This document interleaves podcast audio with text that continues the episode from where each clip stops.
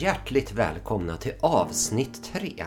Jag heter Rickard Livendal och sitter i samma hörna som jag brukar göra. Och mitt namn är Helena Engström och jag sitter på samma plats som jag brukar göra. Absolut, nu sitter vi inte i hörnorna så här då, då. Först och främst så vill vi ju verkligen tacka för responsen vi fick från förra avsnittet. Eh, mycket han vi gå igenom och avsnittet vart ju ganska långt faktiskt. Det var många aspekter. Ja, och sen när man väl kommer in i någonting som man tycker om att prata om så glömmer man ju faktiskt bort tiden. Så när man har ett bra och trevligt, då försvinner tiden. Det kan vi alla känna till kan jag tänka mig. Så är det. Och det första, eh, förra avsnittet det var ju faktiskt om det här med personligt ansvar. Och det ska vi fortsätta med idag, fast i en, ja, fortsättningsvis då. då. Ja, vi ska ju fortsätta prata om eh, att våga. Och vad innebär det att våga egentligen? Ja, vi ska dra några exempel på det i dagens avsnitt. Exempel från våra liv där vi faktiskt har vågat och vunnit, segrat. Och vem vet vad som kommer i framtiden. Precis. För det är just det, när, när vi inte vågar satsa någonting och när vi inte vågar att förlora, då har vi ju ingen möjlighet att vinna heller. Eller hur? Jag håller helt med dig om. Om man aldrig köper en lott så kommer man ju heller aldrig vinna på lotteri. Nej, och hur många har jag inte träffat som Gud, jag vinner aldrig några pengar, så jag köper en lott då? Nej, nej, nej, det har jag inte gjort. ja, men okej, okay. kanske ska börja med att köpa en lott. Precis. Och när vi vet nu då, genom kvantfysikens studier att 95% av allt vi gör från 35 års ålder är ständiga upprepningar. Då måste vi ju, om vi vill ha någon förändring, så måste vi ändra på någonting. Och då kommer det här in med att, att våga. För att våga förändra. Mm. Hur läskigt är inte det? Det är otroligt läskigt för att någonting som vi alltid har gjort i hela vårt liv och så ska vi inte göra det likadant. Det är verkligen gå utanför boxen. Så jag brukar säga så här till mina elever när jag har kurser och så här. Varför prova något nytt när du kan göra samma sak hela tiden? Ja, det, varför ska vi prova nytt egentligen? Det kan ju bli bättre. Ja, men det... tänk vad läskigt det skulle ja. kunna bli farligt. Ja men absolut. Och sen just när man vet vad man har och när man inte vet vad man får. Man kanske inte är nöjd med situationen man har ändå, men tänk om jag provar något nytt och så blir det sämre. Då är det bättre att jag är kvar på den här banan jag är just nu. Det är bättre att jag inte gör en förändring, för tänk om, det här tänk om, är så stort. Så att gör jag en förändring och tänk om jag ångrar mig. Men hur kan vi gå förbi det här då? För det är ju precis så de flesta av oss tänker. Ja. Vi vet att vi har ett bra jobb. Eller många kanske tycker att de inte har så bra jobb. Men det ger en stadig inkomst. Vi vet vad vi har men vi vet inte vad vi får. Mm. Till exempel, det är många som säkert skulle vilja om de hade pengar eller om de var pensionärer eller mm. om förutsättningarna var annorlunda. Mm. Men varför gör vi inte det? Men jag tror att innan man gör ett, ett val eller så tror jag nog att man vill ha facit på en gång. För att om jag vet att det här blir bra, då kan jag göra det här. Men man, vill, man är inte villig att ta risken. Jag är inte villig att prova det här, för precis som jag sa, om det inte lyckas. Så att då är det så många, tyvärr, som jag har upplevt, och jag har också gjort det vissa gånger, liksom, att nej, men det här det är bättre att jag står kvar på samma ställe. Men just det här att om jag inte tar den här risken, då har jag liksom ingenting att förlora. För att när man tar en risk eller vågar göra någonting för min egen skull, då tar jag ju även en risk och kan faktiskt förlora. Jag kanske, det kanske inte blir som jag hade tänkt, men ändå erfarenheten av att våga tror jag stärker en själv så mycket mer än att tänk om jag hade gjort det här för tio år sedan som vi pratade om i tidigare avsnitt. Ja. Tänk om jag hade gjort det här förra året. Tänk om jag hade tagit det här erbjudandet. Tänk om jag hade flyttat när jag fick det här. Nej, men jag trivs bättre här och doftar på mina blommor. Precis. Du känner ju mig och du vet ju att jag skulle inte tveka att ställa mig upp på en scen och börja prata mm. om saker och ting, eller hur? Mm. Tror du att jag är sån genuint inom mig själv eller är det någonting jag får träna på? Ja, men jag tror ju nog att det är så här att i början då är man nog ganska nervös men sen tror jag nog att man, man släpper det och tänker, man, man bara gör det. Det blir liksom en mekanisk handling att man har puls, man ska gå upp på scen och sen bara, och börjar man tänka där, låta egot komma in, då, då kraschar det totalt. Så jag tror att du bara gör det helt enkelt. Så enkelt är det. Och jag kan berätta om en episod faktiskt. Jag, jag kan nästintill datera det.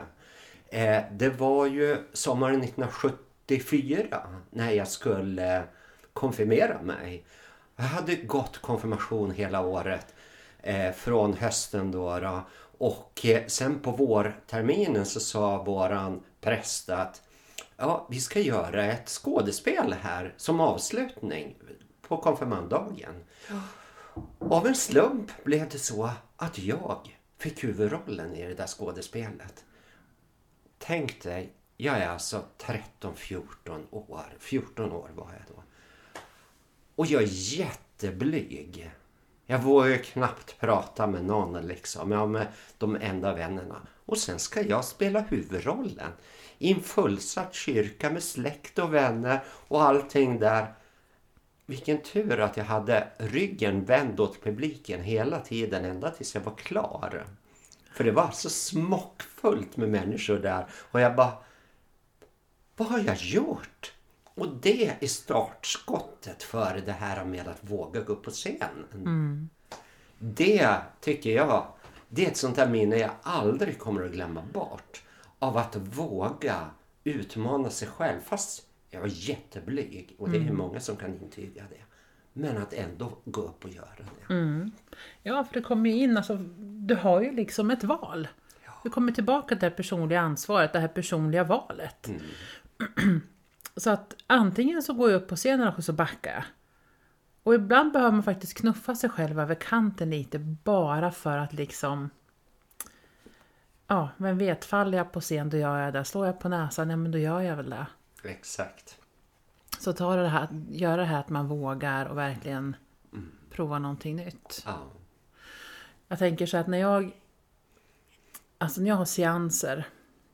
eh, då kan det vara allt emellan 25 till 50, 75, 100 personer. Om inte mer någon gång. Och jag vet, jag är så nervös att jag liksom, jag tänker att nej men nu åker jag hem. Nu vill inte jag vara kvar här längre. nu är det någon annan som vill ta över. Jag kan vara så nervös. Det kan vara så ofantligt jobbigt. Och sen så tänker jag så här att nej, varför ska jag vara där för? Utan jag bara kliver upp och gör det jag ska. Inför människor som jag inte känner. Men här nu i veckan, förra veckan, så hade min man fyllde 50 år så jag gjorde en överraskningsfest. Jag var nog ännu mer nervös där för att då kommer ju alltså släkt och vänner. Åh, vad ska de tycka? Vad ska de tänka? Och sådär. Och så tänkte jag samma sak. Men spelar roll, om de inte är nöjda så, så får det väl vara. Men bara att man gör det och utmanar sig själv lite. Ja. Man växer ju då. Ja, det är precis så det här. Man växer i utmaningen. Och man behöver faktiskt utmana sig själv för att få uppleva den här härliga känslan av att yes, jag vågade faktiskt. Ja. Du vet, jag lärde mig inte simma förrän jag var 15 år. Jag gick i simskola tillsammans med min bror. Han, han har inte lärt sig simma än fast han är, ja, han är nästan 60 år. och, och det tycker jag var häftigt att jag lärde mig simma för att jag fick rätt förutsättningar. Jag fick pröva mig fram hela tiden med hjälp och grejer. Och successivt så la jag från mig det ena hjälpmedlet efter den andra. Och innan kvällen var slut, det här var alltså en enda kväll. Innan kvällen var slut, då simmade jag. Bara för att jag utmanade mig själv. Jag vågade. Och sen fick jag förutsättningarna, hjälp med det också. Ja, och, och för att våga, jag tänker så här för massor med år sedan, jag kan ha varit 15, 16 år, så hoppade jag bungyjump i Norrköping. Och jag kommer ihåg, det finns en liten, eh, eller liten, det kallas för Gull-Olle kallas det, på Rådhus i Norrköping. Jag tror att den ligger på 63-65 meter kanske, eller 67, jag kommer inte ihåg. Men jag kommer ihåg att jag står i den här lyftkranen och kikar ner på den här så kallade Gull-Olle då. då. Och jag tänkte så här, vad har jag gett mig in på? Jag hade gummisnoddar runt anklarna, runt foten. Ja, och ska hoppa ut och så stod det en kille bakom mig och han räknade 3, 2, 1 och så knuffade mig i ryggen. Och jag tänkte, jag kommer dö om jag hoppar. Jag kommer, ja, det här går inte. Så att, ja, du får räkna lite längre. Så då började han från 13 och ner till 0. Jag hoppar inte i alla fall. Och så sa han där, äh, men du måste åka ner för det finns det var ju för andra människor som ville vänta på att få hoppa bungyjump. Och då tänkte jag så här, nej. Jag tänkte rent krasst, för det sista jag tänkte när jag liksom lättade ifrån den här eh, lilla buren då. Dör jag så dör jag, då är det meningen. Tänkte jag. Och sen så följer jag bara rätt ut. Och just den här mikrosekunden från att stå på fast mark till att släppa det fasta Eh, materialet ut i luften. Det är den som nästan ger en dödsångest när, man, när det gäller att våga oavsett om det är att köpa en bil, eller lägenhet eller bryta ett förhållande eller gå in i ett förhållande. Det är just den här mikrosekunden när egot bara Gör det inte, du kommer dö. Och när jag hoppade och jag tänkte herregud att jag lät det gå nästan en minut innan jag hoppade. För det är absolut det bästa jag har gjort. Du vet, jag svävade. Och långt hår hade jag ju då också. Det hängde liksom överallt och det var bara ett sus runt omkring. Så just den här klivet, eller om hoppa fallskärm, den här mikrosekunden, det är oftast den som vi backar på, men kommer vi över den kanten, då finns det ingenting som inte är omöjligt. Och det gäller ekonomi, vänner, familj, jobb, det gäller allting. Att man verkligen tar beslutet och vågar satsa. Mm. Och då kan jag berätta en jättehäftig nyhet. Det är inte många som vet det än, men en del har fått veta det. Ehm, det är snart ett år sedan min fästmö gick bort. Och då började jag allvarligt fundera på vad ska jag göra med resten av mitt liv? Det var verkligen så här bara sparka ut mig ut för stupet och jag liksom bara ja, vad är meningsfullt egentligen att hålla på med efter det? Men man hankar sig fram, man klarar ju av det. Och vi har pratat mycket om det i första avsnittet om sorg, så det ska jag inte lägga energi på. Men när vi startade våran grupp eh, med kvantfysik här i Köping. Då kände jag bara, ja men jag ska sluta jobba. Det är orealistiskt sluta jobba. Jag har försökt många gånger och liksom... Det är väl helt fantastiskt att komma till den insikten. Ja, men då kände jag att ska jag göra någonting meningsfullt då är det i, i sådana här sammanhang och prata om hur man går vidare i livet när livet bara blir nattsvart och, och sådär. Det kändes så meningsfullt att göra det då. Sen följde det ena på det andra. Jag började en kurs i augusti. Förverkliga din dröm. Och nu är det väl två, tre veckor sedan så sa jag upp mig. Grattis! Tack! Vad kul! Och varför gjorde jag det? Ja, det är inte för att jag har ett antal miljoner på banken eller sådär så att jag kan kosta på mig, ja men nu ska jag ha kul här fram till pensionen eller så. Nej, så är det inte alls. Utan jag känner bara att jag måste ju våga, jag måste släppa taget om det här. Jag behöver få leva ut och ha tillit. Och vi pratar ofta om det här med att ha tillit. Men hur mycket tillit har vi egentligen? När det verkligen kommer till kritan, mm. hur mycket tillit har vi? Och då kände jag, ja, det är det här jag måste göra. Det är det här som känns rätt i hjärtat. Och då pratar vi om att våga lyssna på hjärtat istället för hjärnan. Det är första steget, lyssna på hjärtat. Nästa steg är ju verkligen att precis som du gjorde när du hoppade bungee jump. Bara slänga sig ut i det fria. Mm. Ha tillit. Ha tillit. Mm. Repen håller. Mm. Ja, men utan att veta, där nere finns det ett skyddsnät eller utan att veta så här kommer det gå. Mm. Det är verkligen att utmana sig själv. Ja, och, och det är frihet. Det är frihet att faktiskt på något sätt kanske inte veta vad man ska göra när man blir stor oavsett hur gammal man än är. Och våga ta det här klivet. Men just det här med att, jag kommer ihåg när jag sa upp mig från min fasta arbetsplats här för fem sex år sedan. Och det var på grund av att jag hade haft en ganska svår utbrändhet två gånger. Eh, och då kände jag att det här går inte, så jag sa upp mig. Och jag, den reaktionen jag fick, att många sa, eller flera sa att det var bra. Men det var väldigt många som sa, men hur törs du? Hur, du har ju fast arbete, hur törs du säga upp dig? Hur vågar du göra det? Ja, men jag vet om att så här som jag mår nu vill jag ju inte fortsätta göra och den enda som kan göra någonting åt det, det personliga ansvaret som vi pratade om förra gången, är ju jag. Så det var jättestort att gå då till, till chefen och skriva på papper att jag säger upp mig. Jag ska inte jobba kvar här. Men så fort jag hade tagit det här beslutet och skrivit på det här pappret så var det precis som att kunde jag andas igen. Jag hade ingen aning om vad jag skulle göra. Nu för sig hade man liksom, hade ju med, mediumskapet i grunden.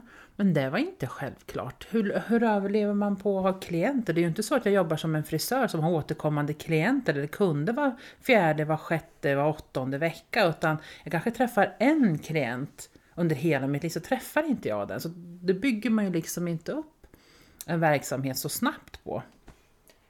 Men det var tillit. Och det är precis det det handlar om. Och jag tänkte på det när du berättade om det här tidigare också, att du jobbar som medium. Eh, alltså jag har ju haft företag i 12 år men jag har tänkt att åh, tänk vad kul det skulle vara att hålla på med det här. Men när jag försökte göra allvar av det där för eh, 10 år sedan ungefär då insåg jag att jag måste ha si och så många klienter varje dag i, i privatsittningar eller healingbehandlingar eller vad det nu kan mm. vara. Så jag måste ha så här många kurser varje år mm. och så vidare. Och jag insåg det här det är orimligt mycket som jag måste klara av. Och precis som du säger, man kanske har en klient och den kommer aldrig tillbaka mm. därför att den har fått precis vad den behövde för att kunna gå vidare. Mm. Och det kan ju inte bygga upp liksom, så mycket människor känner man inte Nej. så att man får tillbaka dem. Och det är inte vår sak att du måste komma till mig om en vecka. Du måste komma till mig om en månad. Så funkar det inte. Nej. Utan vi måste ha tillit till det här. Och då insåg man ju det att ja, men, det går inte att ha en sån verksamhet och leva på det. Om du inte liksom ligger i enormt mycket mm. för att få tillgång till både kunder för kurser och för mm. privata behandlingar. Mm. Så det är en jätte stor satsning du gjorde då när du stod upp dig och Absolut. förlitade dig på. Precis, och fortfarande då var jag fortfarande sjukskriven så jag hade ju ja. ingen aning om jag kunde jobba eller inte. Eh, med tanke på utbrändheten då. Mm. Eh, så att just det precis som du sa att man har en klient och så kanske inte träffar en igen. Och jag har aldrig varit så här att eh, ring till mig, da, da, da, da, utan, mm. utan jag har liksom tagit den långsamma mun till mun metoden. Ja. För det bygger upp på det bästa sättet. Jag behöver hela tiden tänka på hur jag uttrycker mig. Då. Visst, det finns alltid negativa människor runt omkring, men det är inte det, men det tar tid. Ja. Och där känner jag att när man bygger upp en grund från början, eller man bygger upp grunden som är solid och står stadigt, då tar det tid. Mm. Då får det ta tid. Mm. Um, men just det här att, som du säger, det är inte så att du kommer tillbaka nästa vecka, utan om det kan komma till dig nästa gång? Ja, minst ett år säger jag. Och du vet, de är alldeles långa i ansiktet. Va? Får jag inte komma till? Nej, minst ett år. Så det är ju inte så att jag liksom hovrar in mina klienter heller. Nej. Så precis som du säger, just det här med kurser och titta, det är ett otroligt jobb. Och idag la jag in, ut ett inlägg på både Instagram och Facebook att det jobb man gör som egen företagare, och du vet alla som lyssnar som egen företagare, att det som syns, det är toppen på isberget. Ja. Det är så massivt mycket jobb som man inte ser, mm. som är runt omkring. Ja. Och det är jättetufft ibland och det är superkul ibland, men jag ångrar aldrig att jag sa upp mig. Nej. Aldrig. Nej. Och jag tycker att det är jättebra att vi pratar om det här för att många människor idag som jag pratar med på jobbet, och framförallt på jobbet, där träffar man ju mycket människor. Eh, har den här drömmen om det här skulle jag vilja göra men jag får vänta till barnen flyttar hemifrån eller jag får vänta till eh, Eh, jag blir pensionär eller man skjuter hela tiden på framtiden allt det här. Som nu till exempel när jag hade bestämt mig för att ja, men mitt mål det är att, att sluta med mitt vanliga jobb och satsa på det här som jag känner är mitt riktiga kall här i livet om man säger. Och att då bestämma ett datum, då ska jag eh, sluta jobba. Det betyder att jag måste säga upp mig vid ett visst datum för att liksom kunna sluta det datumet. Ta sig i kragen och göra det. Det är skitsvårt. Det är jättejobbigt. Men samtidigt, om vi inte gör det, om vi väntar hela tiden på rätt tillfälle, då kommer vi aldrig lyckas med det här. Nej, Och det här rätta tillfället kanske aldrig kommer. Nej. Utan det vi pratade om också eh, förra avsnittet tror jag det var att vi behöver verkligen ta klivet fram. Vi kan inte sitta på en stol eller, eller stå upp och bara vänta på att, att möjligheterna kommer till mig. För då kommer de inte. Men om jag släpper min ryggsäck eller släpper det som jag kanske inte känner att men det här vill jag inte ha kvar och tar ett kliv fram och möter det. Vi kanske inte vet vilka möjligheter vi har, vi kanske inte vet vilka val vi har. Men står vi kvar på samma ställe och inte bemöter alltså min framtid, då kan, inte, då kan jag inte attrahera någonting heller. Så att, jag brukar säga så här, men istället för att man väntar på, ja men inte, det är inte rätt tid än, jag ska, jag ska bara göra det här. Och sen är det bara det och, och sen är det jul och, och sen är det nyår och sen så fyller den år. Och man flyttar hela tiden fram istället för att säga att, amen, jag kliver framåt, jag gör en handling. Det är, inte för, det är först då som saker och ting kan komma och attraheras. Men du kan inte stå och vänta på att någon ska ta din hand om du håller på att alltså, falla. Du behöver liksom sträcka ut den också. Verkligen. Ja, verkligen. Vi måste ta steget själva. Vi kan inte gå till ett medium eller någon annan rådgivare som säger kör. Utan vi måste känna det själva inom oss. Att våga ta steget. Och det är väldigt obekvämt med tanke på att allting vi gör, i varje fall till 95 procent, är ständig upprepning. Dag ut och dag in, ständig upprepning. Och att våga ens kliva upp en dag och känna att nej, idag gör jag inte som jag gjorde igår. Idag tänker jag göra någonting annat. Bara det, oavsett om det är en liten grej eller en stor grej, så är det en förändring. Och förändringar, det tycker vi är läskigt. Just därför att vi vet inte hur kommer det gå. Hur kommer det funka? Var kommer pengarna ifrån? Var, eh, var får vi energin? Är det någon, om jag ska hålla föredrag till exempel, bara det att jag ska hålla föredrag, hur många är det som tycker wow vad kul? Jag älskar att hålla föredrag. Jag känner inte så många som säger det. Eller som seanser då, då eh, där vi inte vet hur kommer det att funka? Vi har inget manus, vi har inte skrivit ner så här ska vi prata under kvällen utan vi måste vara helt öppna, vi måste bara låta det komma, flöda på, ha tillit till att allt flödar på. Hur många är det som ens törs gå upp på scenen där och hålla föredrag? Och sen att fundera då, hur många är det som kommer? Hur många är det som lyssnar? Hoppas det inte kommer någon så att jag slipper hålla föredraget eller sådär. Alltså det finns så mycket rädsla i det här. Ja, men, Och vi behöver övervinna den rädslan. Men hur gör vi det? Har du några bra tips på hur man kan göra det? Nej men alltså det, det jag tänker på eh, som är för mig någonting som jag har tränat på. Eh, och då var ju faktiskt under min utbrändhet. För sitter jag och tänker på att jag ska göra någonting, ja men det här ska jag göra. Ja, men jag, jag, jag ska gå ut och cykla eller vi kan ta större exempel. Jag, jag, nu, har jag, nu har jag bott här så länge, jag vill flytta så jag ska flytta men inte än. Man tänker på det. Jag tänker på det och jag tänker på det och jag tänker på det och det händer ingenting. Så rent krasst behöver man faktiskt mekaniskt, om man nu är så fast i ett gammalt beteendemönster, ett gammalt mönster, en gammal rädsla, behöver jag rent mekaniskt resa mig upp, gå ut till hallen, ta på mig skorna, öppna dörren och gå ut och tänka de här stegen.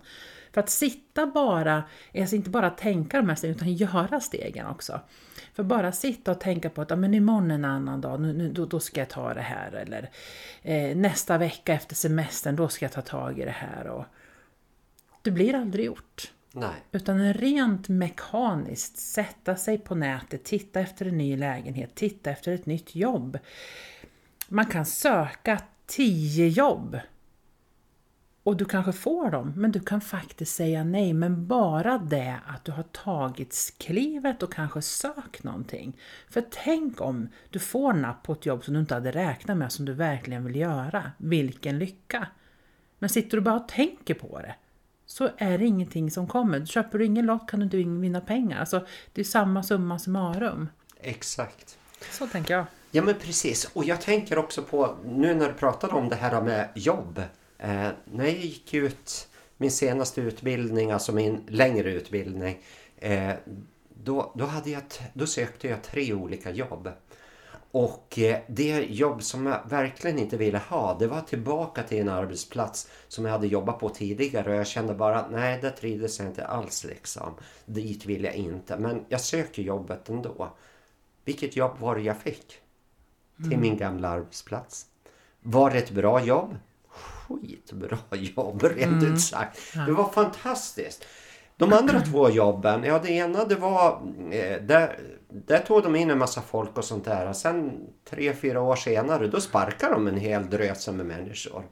Och det andra jobbet, eh, där flyttade de verksamheten från Västerås där jag bodde då på den tiden till en annan ort då, då istället. Så bägge de jobben som jag inte fick de bara försvann sen. Men jag hade kvar mitt det här an- tredje jobbet som jag egentligen inte ville ha. Så det är jätteviktigt att lyssna och våga ta steget och chansa. Ja men får jag, får jag inte? Man kommer in på rätt väg även om det tar tid att hitta hela vägen fram. Jo, men så länge du gör ett försök, ett ärligt försök. Det betyder inte att man kanske lyckas alla gånger. Men att man gör det här försöket. Jag vet inte hur många jag träffar, ja men jag skulle vilja jobba som det här eller, eller jag skulle vilja starta ett eget företag men jag ska bara gå den här utbildningen, sen, sen är jag klar, då kan jag starta. Men då när man kommer till den här utbildningen, man har gått den här utbildningen och ska starta, nej men då kom det upp något mer under den här utbildningen, då ska jag bara gå den och gå den och gå den och till slut så har man liksom pluggat till man är 45 år, man har aldrig kommit, för man blir aldrig klar, man ska lära sig lite mer, man ska förbereda sig lite mer så att man är helt perfekt när man liksom väl ska göra det här valet. Och jag brukar säga så här att när man blir gravid så är man gravid i nio månader och då går man på, det, det ska vara föräldrakurs och man ska läsa och, det, och man är så förberedd på de här nio månaderna. Men sen när det här livet kommer i ens händer, man har noll koll. Man vet inte, alltså, man tror att man förbereder sig, men man är aldrig redo för det som kommer till en. Så om jag hela tiden ska förbereda mig så att allting ska bli perfekt innan jag gör en förändring, då kommer du aldrig göra en förändring. För att ingenting är perfekt när man gör ett val eller gör någon, provar någonting nytt. Aldrig. Utan det är hela tiden en strävan efter att lyssna på det man verkligen vill göra. Precis, och det här tycker jag är jättebra för att vi söker hela tiden efter det perfekta.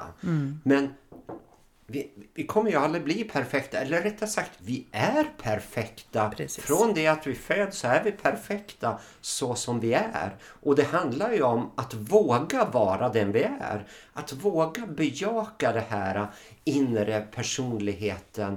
Eh, när alla andra säger bara hur vågar du? Hur törs du? Du släpper taget om det trygga, du släpper taget om allt det andra. Hur, hur kan du göra på det här viset och varför gör du så här? För Jo, därför att jag måste följa min inre röst.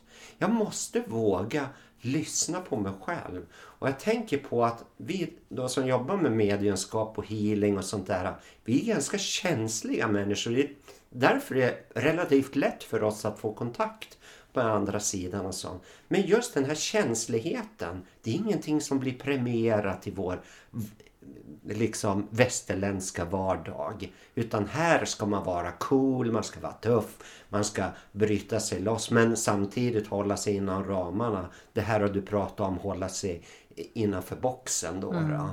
Eh, människor som ger uttryck för sina känslor och oberäkneliga därför att de flesta människor försöker hålla sig inom boxen när det gäller känslor. Eh, de vet inte hur de ska hantera men den här människan han är inte normal.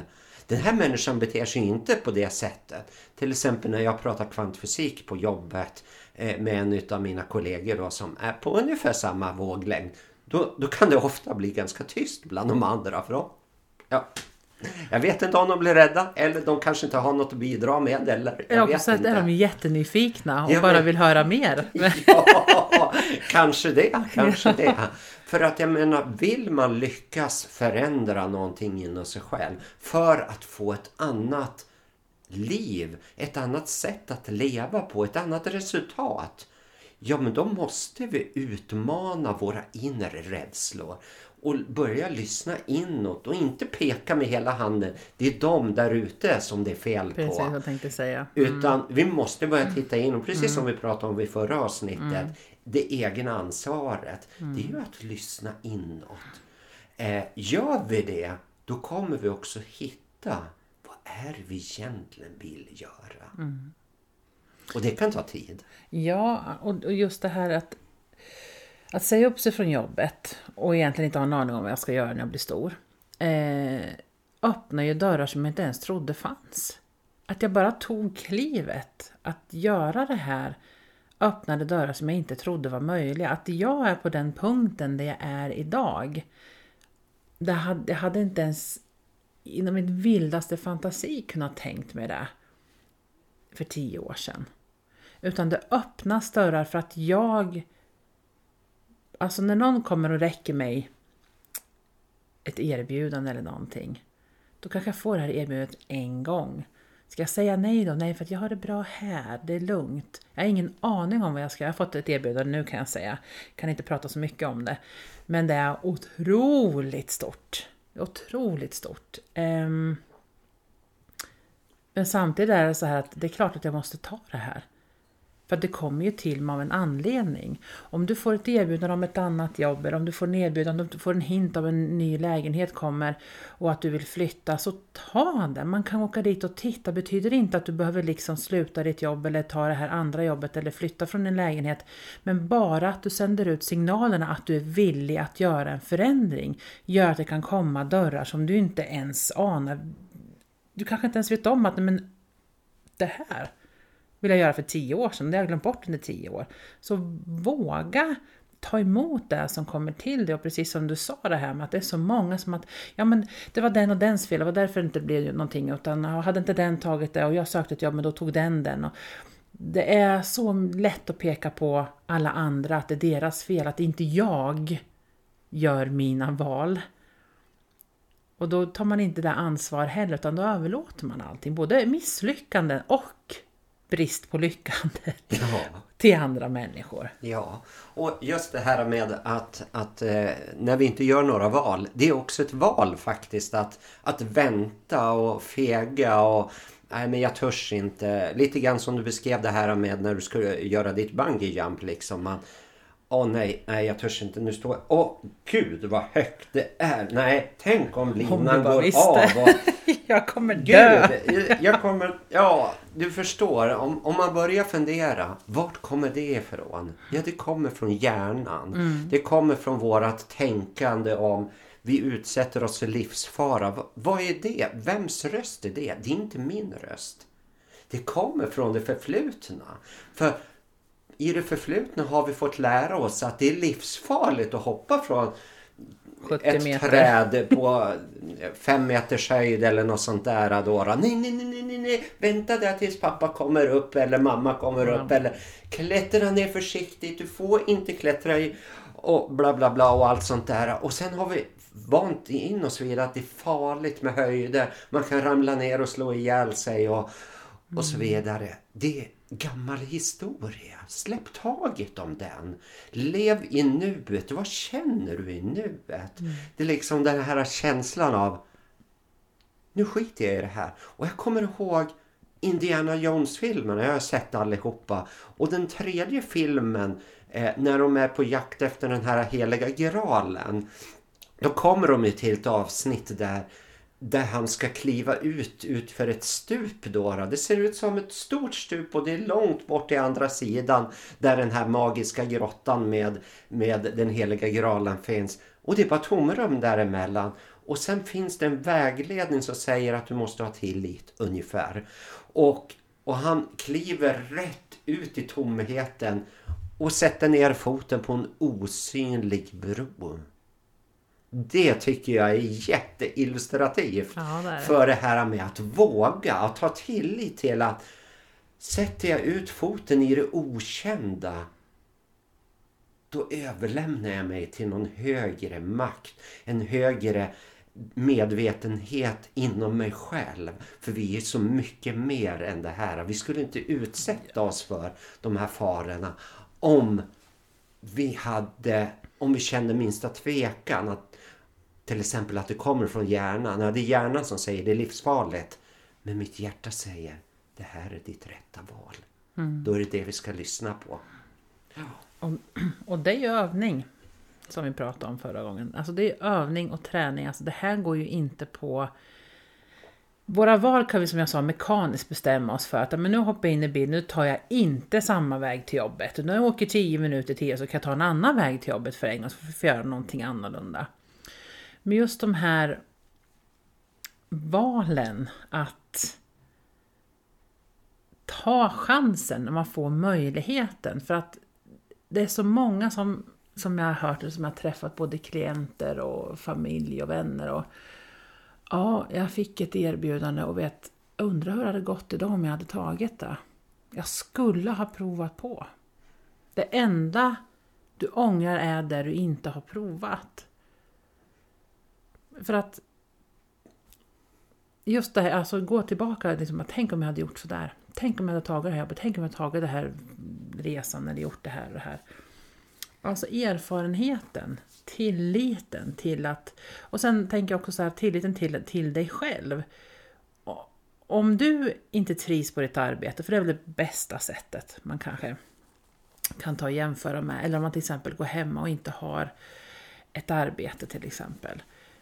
Är inte du värd att satsa på? Är inte du värd att må bra? Ska jag liksom hela tiden tänka på att alla andra ska ha det bra? Nej, men det är klart att vi ska peppa honom eller henne. Vi ska fixa det här och jag hjälper dig, jag stöttar dig. Hur kommer det sig att vi inte har den, alltså den självkärleken att fasen Helene, du är värd att söka de här fyra jobben. Prova! Du vet ju, du kanske får ditt drömjobb.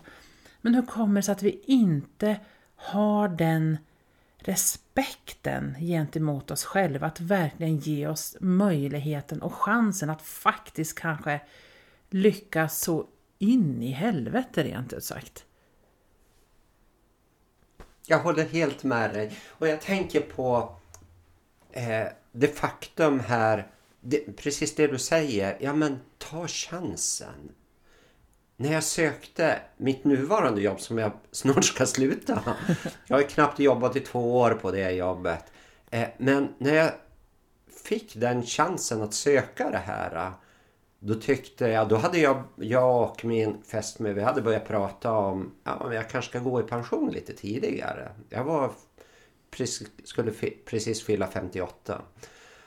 Och så kom det här jobberbjudandet. Så jag bara, ja det är intressant men ja, 58 år och, ja, och en annan bransch än det jag hade. Visserligen samma typ av jobb men i en helt annan bransch där jag inte kunde någonting om branschen och de risker som det var med det där. Hur länge hade du varit på ditt jobb tidigare? Då? 29 år. 29? Ja.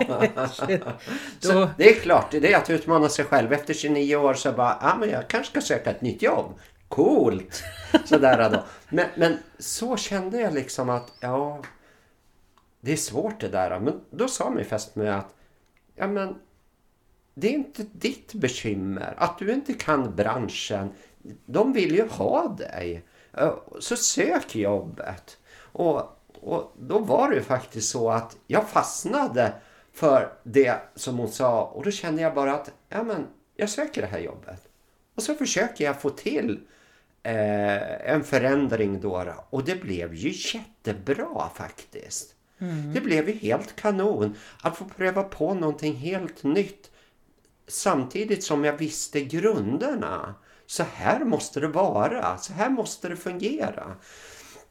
Eh, men med helt nya arbetskamrater, helt nya människor, en ny arbetsplats och allt det där. Så vågade jag ta det där steget rätt ut. Efter 29 år på mitt gamla jobb. Och jag fick ju massor med fördelar för det. Mm. En utav fördelarna det var ju också att jag kände att jag är inte för gammal för att förändra. Jag kan ju fortfarande, efter 29 år och vid 58 års ålder så byter jag jobb. Mm. Ja, men hur svårt är det då att förändra och gå vidare och göra det som jag verkligen brinner för? Precis. Så att oavsett ålder, det handlar inte om att jag är 25 eller 80. Det spelar ingen roll vilken ålder det är. Man kan alltid förändra. Absolut. Det handlar bara om att våga. Mm. Och jag tänker på, jag har ju väldigt många förebilder runt omkring, alltså i hela världen. Och en kvinna hette Louise, Louise L. Hay. Eh, och hon gick bort här för ja, fyra, fem år sedan tror jag.